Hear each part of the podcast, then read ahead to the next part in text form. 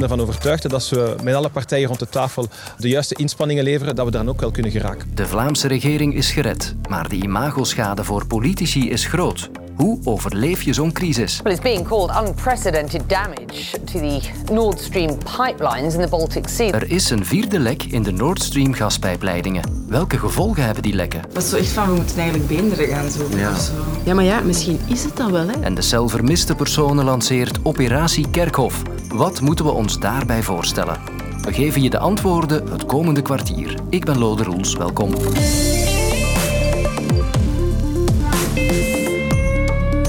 Septemberverklaring van vanmiddag die is gered, maar het beeld van de politiek, daar staat een dik vraagteken achter, denk ik. En het beeld van CD&V en de voorzitter ook. Sami Medi heeft gegokt en verloren. De vraag is alleen tegen welke prijs. En dan ook de standaard ziet dat een assertief CD&V op de eigen limieten botst. Hij en zijn partij komen hier zwaar beschadigd uit. En dat op het moment dat de regering al heel veel kritiek had gekregen dat ze te lang wachtte met eh, haar energiemaatregelen. Dus ja, een pijnlijke afgang voor eh, Jan Jambon en zijn regering.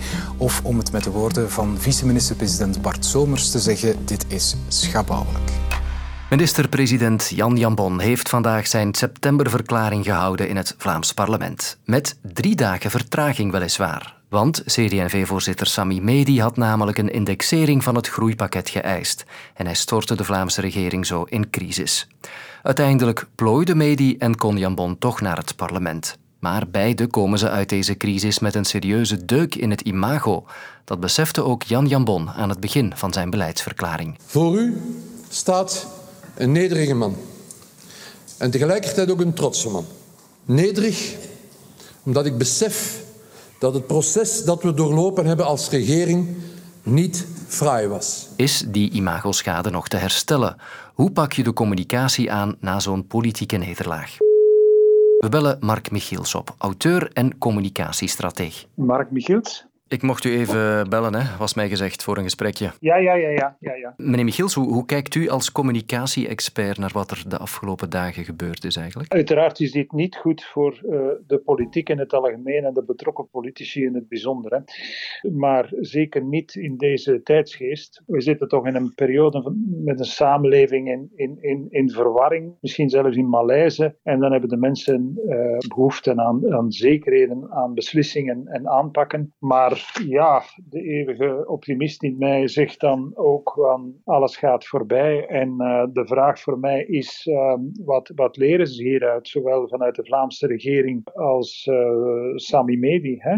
Stel, u krijgt een van beide heren, of beiden, meneer Medi, meneer Jan Bon, in uw bureau. Wat is dan het advies? Hoe uh, trekken ze dit terugrecht? Zowel de minister-president als Sami Medi zou ik zeggen, wat is uw analyse van de fouten die gemaakt zijn? Zowel om de ploeg bij elkaar te houden, als uh, Sami Medi, jonge voorzitter, in de manier waarop dat je in dit dossier hebt gehandeld. En wat mij, wat mij betreft, geef die fout toe. En de voorzitter van CD&V, Sami Medi, zit bij ons vanavond. Goedenavond. We praten zo meteen met u. Ik moet zeggen dat, dat uh, het goede nieuws toch al was dat Sami Medi zelf naar het journaal is gegaan, zelf de communicatie in handen heeft genomen en daar al een taal heeft gesproken. Dat vind ik het begin uh, van de remedie. En dan, en dan kan er weer veel. Je moet hier even door en hij moet dat gewoon toegeven. Dus toegeven dat je fout zat, dat is al een eerste stap. En wat mogen ze dan zeker wel of zeker niet doen in de toekomst?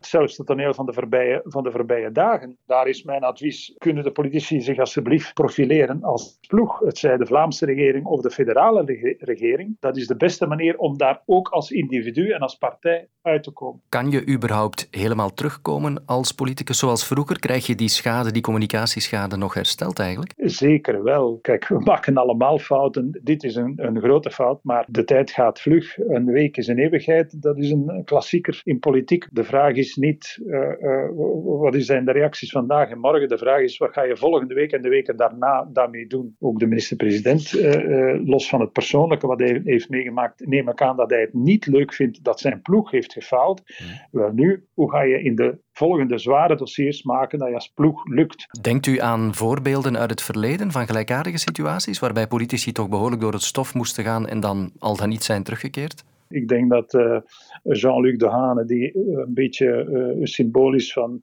de beste politicus van de laatste jaren, er zijn zeker ook momenten geweest in diens carrière waar hij, waar hij fouten heeft gemaakt en waar, hij, waar, waar dat hij door het stop is gegaan. Dat is absoluut zeker. We betalen de volle politieke prijs voor de dioxinecrisis. Iemand moet de verantwoordelijkheid nemen binnen de partij. Dank u.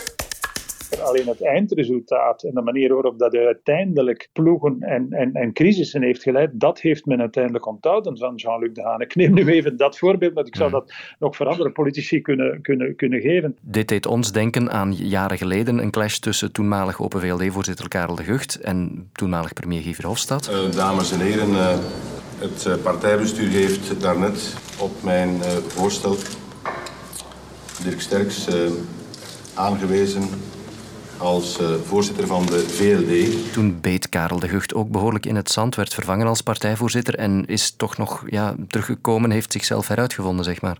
Ja, dat denk ik wel. Karel de Gucht is, denk ik, nu algemeen beschouwd als een hele sterke politicus en heeft zich onder andere als Europees commissaris een zeer sterk parcours gereden. Niet alleen inhoudelijk, maar ook uh, communicatief. Dus natuurlijk kan je daarvan terugkomen. Dat bewijst net de, de, de stelling dat de lange termijn belangrijker is dan het nieuws van morgen.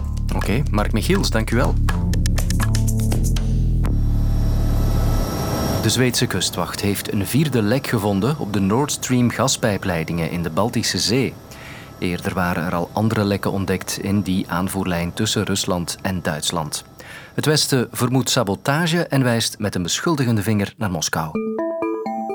Denmark, Poland, and Sweden say they believe leaks in two major Russian gas pipelines to Europe are the result of sabotage. Het lijkt er al maar meer op dat de lekken in de gaspijpleidingen Nord Stream 1 en 2 in de Baltische Zee door ontploffingen veroorzaakt zijn. Well, it's being called unprecedented damage to the Nord Stream pipelines in the Baltic Sea.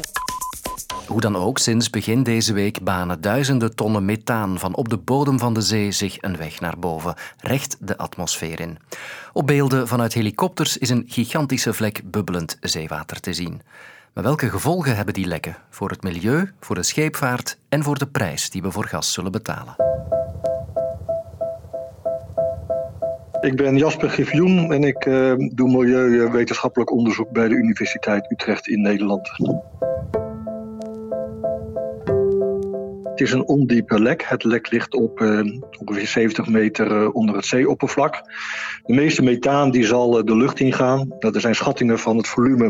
Nou, komt men uit op 500 kiloton. Dus we hebben het hier over een volume van ongeveer een half procent van wat er over de hele wereld aan methaan de lucht ingaat vanuit fossiele brandstoffen.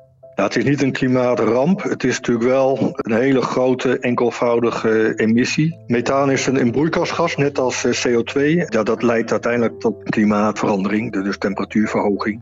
Eh, de gevolgen voor eh, planten en dieren zijn denk ik toch best beperkt. Normaal is een aardolieramp altijd veel ernstiger dan een aardgasramp. Aardgasramp valt eigenlijk vaak toch wel mee in tweede instantie. Mijn naam is Christa Sis en ik ben verbonden aan de Universiteit Antwerpen, waar ik dus de vakken maritime economie onder andere doseer. De huidige situatie rond dus de pijpleidingen heeft effectief een uh, impact op dus de scheepvaart. Voor dus de scheepvaart die dus naar de noordelijke Baltische staten vaart. Vanuit milieu- en veiligheidsoogpunt is dus men dus nu verplicht om een loods aan boord te nemen. Om dus omheen dat gebied rond dus het Deense eiland Bornholm uh, te varen. Ik ben Marten de Varen, ik ben docent energie-economie aan de UGent. Het economisch effect van de lekken in de twee Nord Stream pijpleidingen is eerst en vooral moeilijk in te schatten, maar de twee pijpleidingen die nu geraakt zijn, er was, die waren niet meer in gebruik. Dus bij gevolg is er geen enkel effect op het aanbod van gas in Europa. Maar de perceptie is nu dat Rusland de twee pijpleidingen die wel nog in gebruik zijn, waarmee Rusland gas importeert naar Europa, dat die zouden kunnen afgesloten worden. Eén ding is duidelijk, dus minder aanbod of, of het idee van misschien minder aanbod van gas in de toekomst leidt tot hogere prijzen. Dat is een, een duidelijk economische wet en die, die blijft altijd gelden. Minder aanbod voor dezelfde vraag betekent de prijzen zullen stijgen.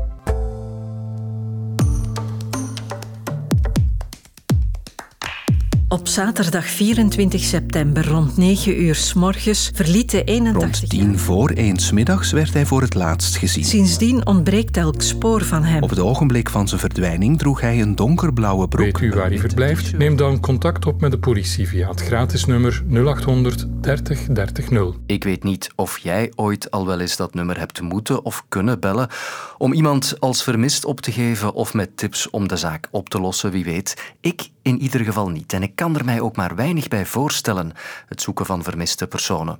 Bij de federale politie ligt in elk geval nog een stapel dossiers die nooit opgehelderd zijn.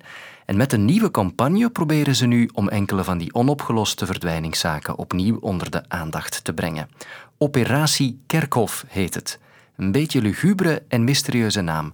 Dus ik dacht, ik ga eens horen bij Alain Remu. Meneer Remu, goedemiddag. Ja, goeiedag. Hey, hallo. Meneer Remu van de cel vermist personen van de federale politie. Misschien eerst eens eh, in het algemeen zeggen, waarom trekken jullie specifiek naar begraafplaatsen? Wat hebben wij nu gezien in de loop der jaren dat we daarmee bezig zijn? We vinden een aantal vermiste personen terug tijdens zoekacties. Dat klopt. Maar er zijn er ook een aantal. Op dit moment zijn er al een 770 van de voorbije 27 jaar die wij dus niet hebben teruggevonden. Nu, er gaan wel een aantal mensen bij zijn die het vandaag waarschijnlijk heel goed stellen. Misschien wel op een exotisch eiland, et cetera. Maar er zijn er ook een aantal bij waarvan wij overtuigd zijn dat die overleden zijn in de loop der jaren. Alleen dat we die niet hebben kunnen aantreffen. Maar er was nog iets dat ons bezighield. We hadden opgemerkt dat er toch wel een aantal mensen begraven liggen op kerkhoven met een nummer. En we zijn beginnen nadenken en gezegd, we kunnen daar misschien wel iets mee doen. En we hebben toen een testcase gedaan. En het geval dat we toen genomen hebben was eigenlijk eerder toevallig. Op een klein kerkhofje in Profondeville, in het hartje van Dardenne, lag er nog een graf van iemand met een nummer. Toen zijn we eraan begonnen als pest. We hebben dat lichaam opgegraven met een wetsdokter. Daar is toen een uh, DNA-staal genomen uit het bot van het dijbeen, het femur, door er een stukje uit te zagen. Daaruit heeft men kunnen een DNA-profiel distilleren. En dat gaf eigenlijk geen enkele overeenkomst met een nog openstaand dossier in België. Dus dat was eigenlijk een beetje pech. Waar het niet dat dat profiel ook werd doorgestuurd naar de buurlanden. En daar kregen we al vrij snel een reactie uit Nederland. En die zeiden van, nou, wie hebben jullie gevonden? Toen bleek dat het anonieme graf in Profondeville het graf was van een dame die wij op dat moment niet kenden, maar dat bleek Corrie van der Valk te zijn. Corrie van der Valk uit Neder-Asselt is mogelijk om het leven gebracht door haar echtgenoot Nico van der Valk. Nee, ik heb mijn vrouw niet vermoord. Dus we hebben die zaak op die manier kunnen oplossen. En dat was voor ons op het moment dat we gezegd hebben, daar moeten we echt eens goed naar kijken. Ja. Wat vragen jullie dan concreet van begraafplaatsen? Dat er opnieuw wordt opgegraven en dat ze gaan kijken in die anonieme graven wie of wat nee, daar nog ligt? Nee, nee. Wat wij eerst vragen, dat is aan de overheden, bestuurlijke overheden, en we gaan hen daar ook over aanschrijven natuurlijk, hè, dat zij ons kennis geven van plaatsen of van het feit dat er bij hun op de gemeente nog mensen begraven liggen met een nummer. Dat is onze eerste bekommernis. Je moet weten, een lichaam dat geruime tijd begraven ligt, ja, natuurlijk dat DNA, die kwaliteit daarvan, dat is niet altijd top. Er zijn een drietal plaatsen op het menselijk lichaam die ons interesseren. Het gebit, als dat er nog is, vingernagels en het bot van het dijbeen, het femur, waar dan een stukje kan uitgezaagd worden. En van zodra we dat dus allemaal hebben, dan gaan wij letterlijk naar het kerkhof, vandaar ook de naam Operatie Kerkhof, met de nodige middelen. Het graf wordt geopend, de wetsdokter doet zijn werk. We hebben een staal dat we kunnen gebruiken. En daar wordt dan in een labo het DNA-profiel uit gedistilleerd. En dat wordt dan achteraf ingevoerd in de databank bij het NICC. Dus dat is eigenlijk het verloop voor het gedeelte kerkhof. Wat vraagt u concreet van burgers om te doen? Hoe kunnen zij helpen? Aan burgers vragen we de andere kant van de medaille. Daar stellen we dus de vraag aan het grote publiek van kijk, als jullie binnen uw familie weet hebben van een oude verdwijning, laat het ons dan ook weten. Op 29 augustus 1995 werd het lichaam van een man opgemerkt door een schipper in de binnenhaven van Brugge. Het lichaam was gewikkeld in plastic zakken met touwen er rond. Vermoedelijk is deze man met geweld om het leven gebracht. Zijn er concrete verhalen waarvan u denkt, ja, die hoop ik nu door deze operatie op te lossen? Natuurlijk hopen we dat. Maar hoe concreet die zijn, dat is weer iets anders. Voor ons gaat het maar om één ding. Dat is proberen in een aantal dossiers alsnog het verschil te maken. Alsnog aan een familie te kunnen zeggen van kijk, We zijn erin geslaagd van ja, uw mama of uw zus of uw papa terug te vinden. Weet je, dat is eigenlijk de reden waarom je dit werk gaat doen. Ik ben ervan overtuigd dat er ergens in die operatie Kerkhof nog zaken gaan naar boven komen. Bedankt voor het interesse. Dank Salut, u. hè. Dag. Dag. Wij zijn rond. Hopelijk vind je onze podcast ook morgen weer terug. Tot dan.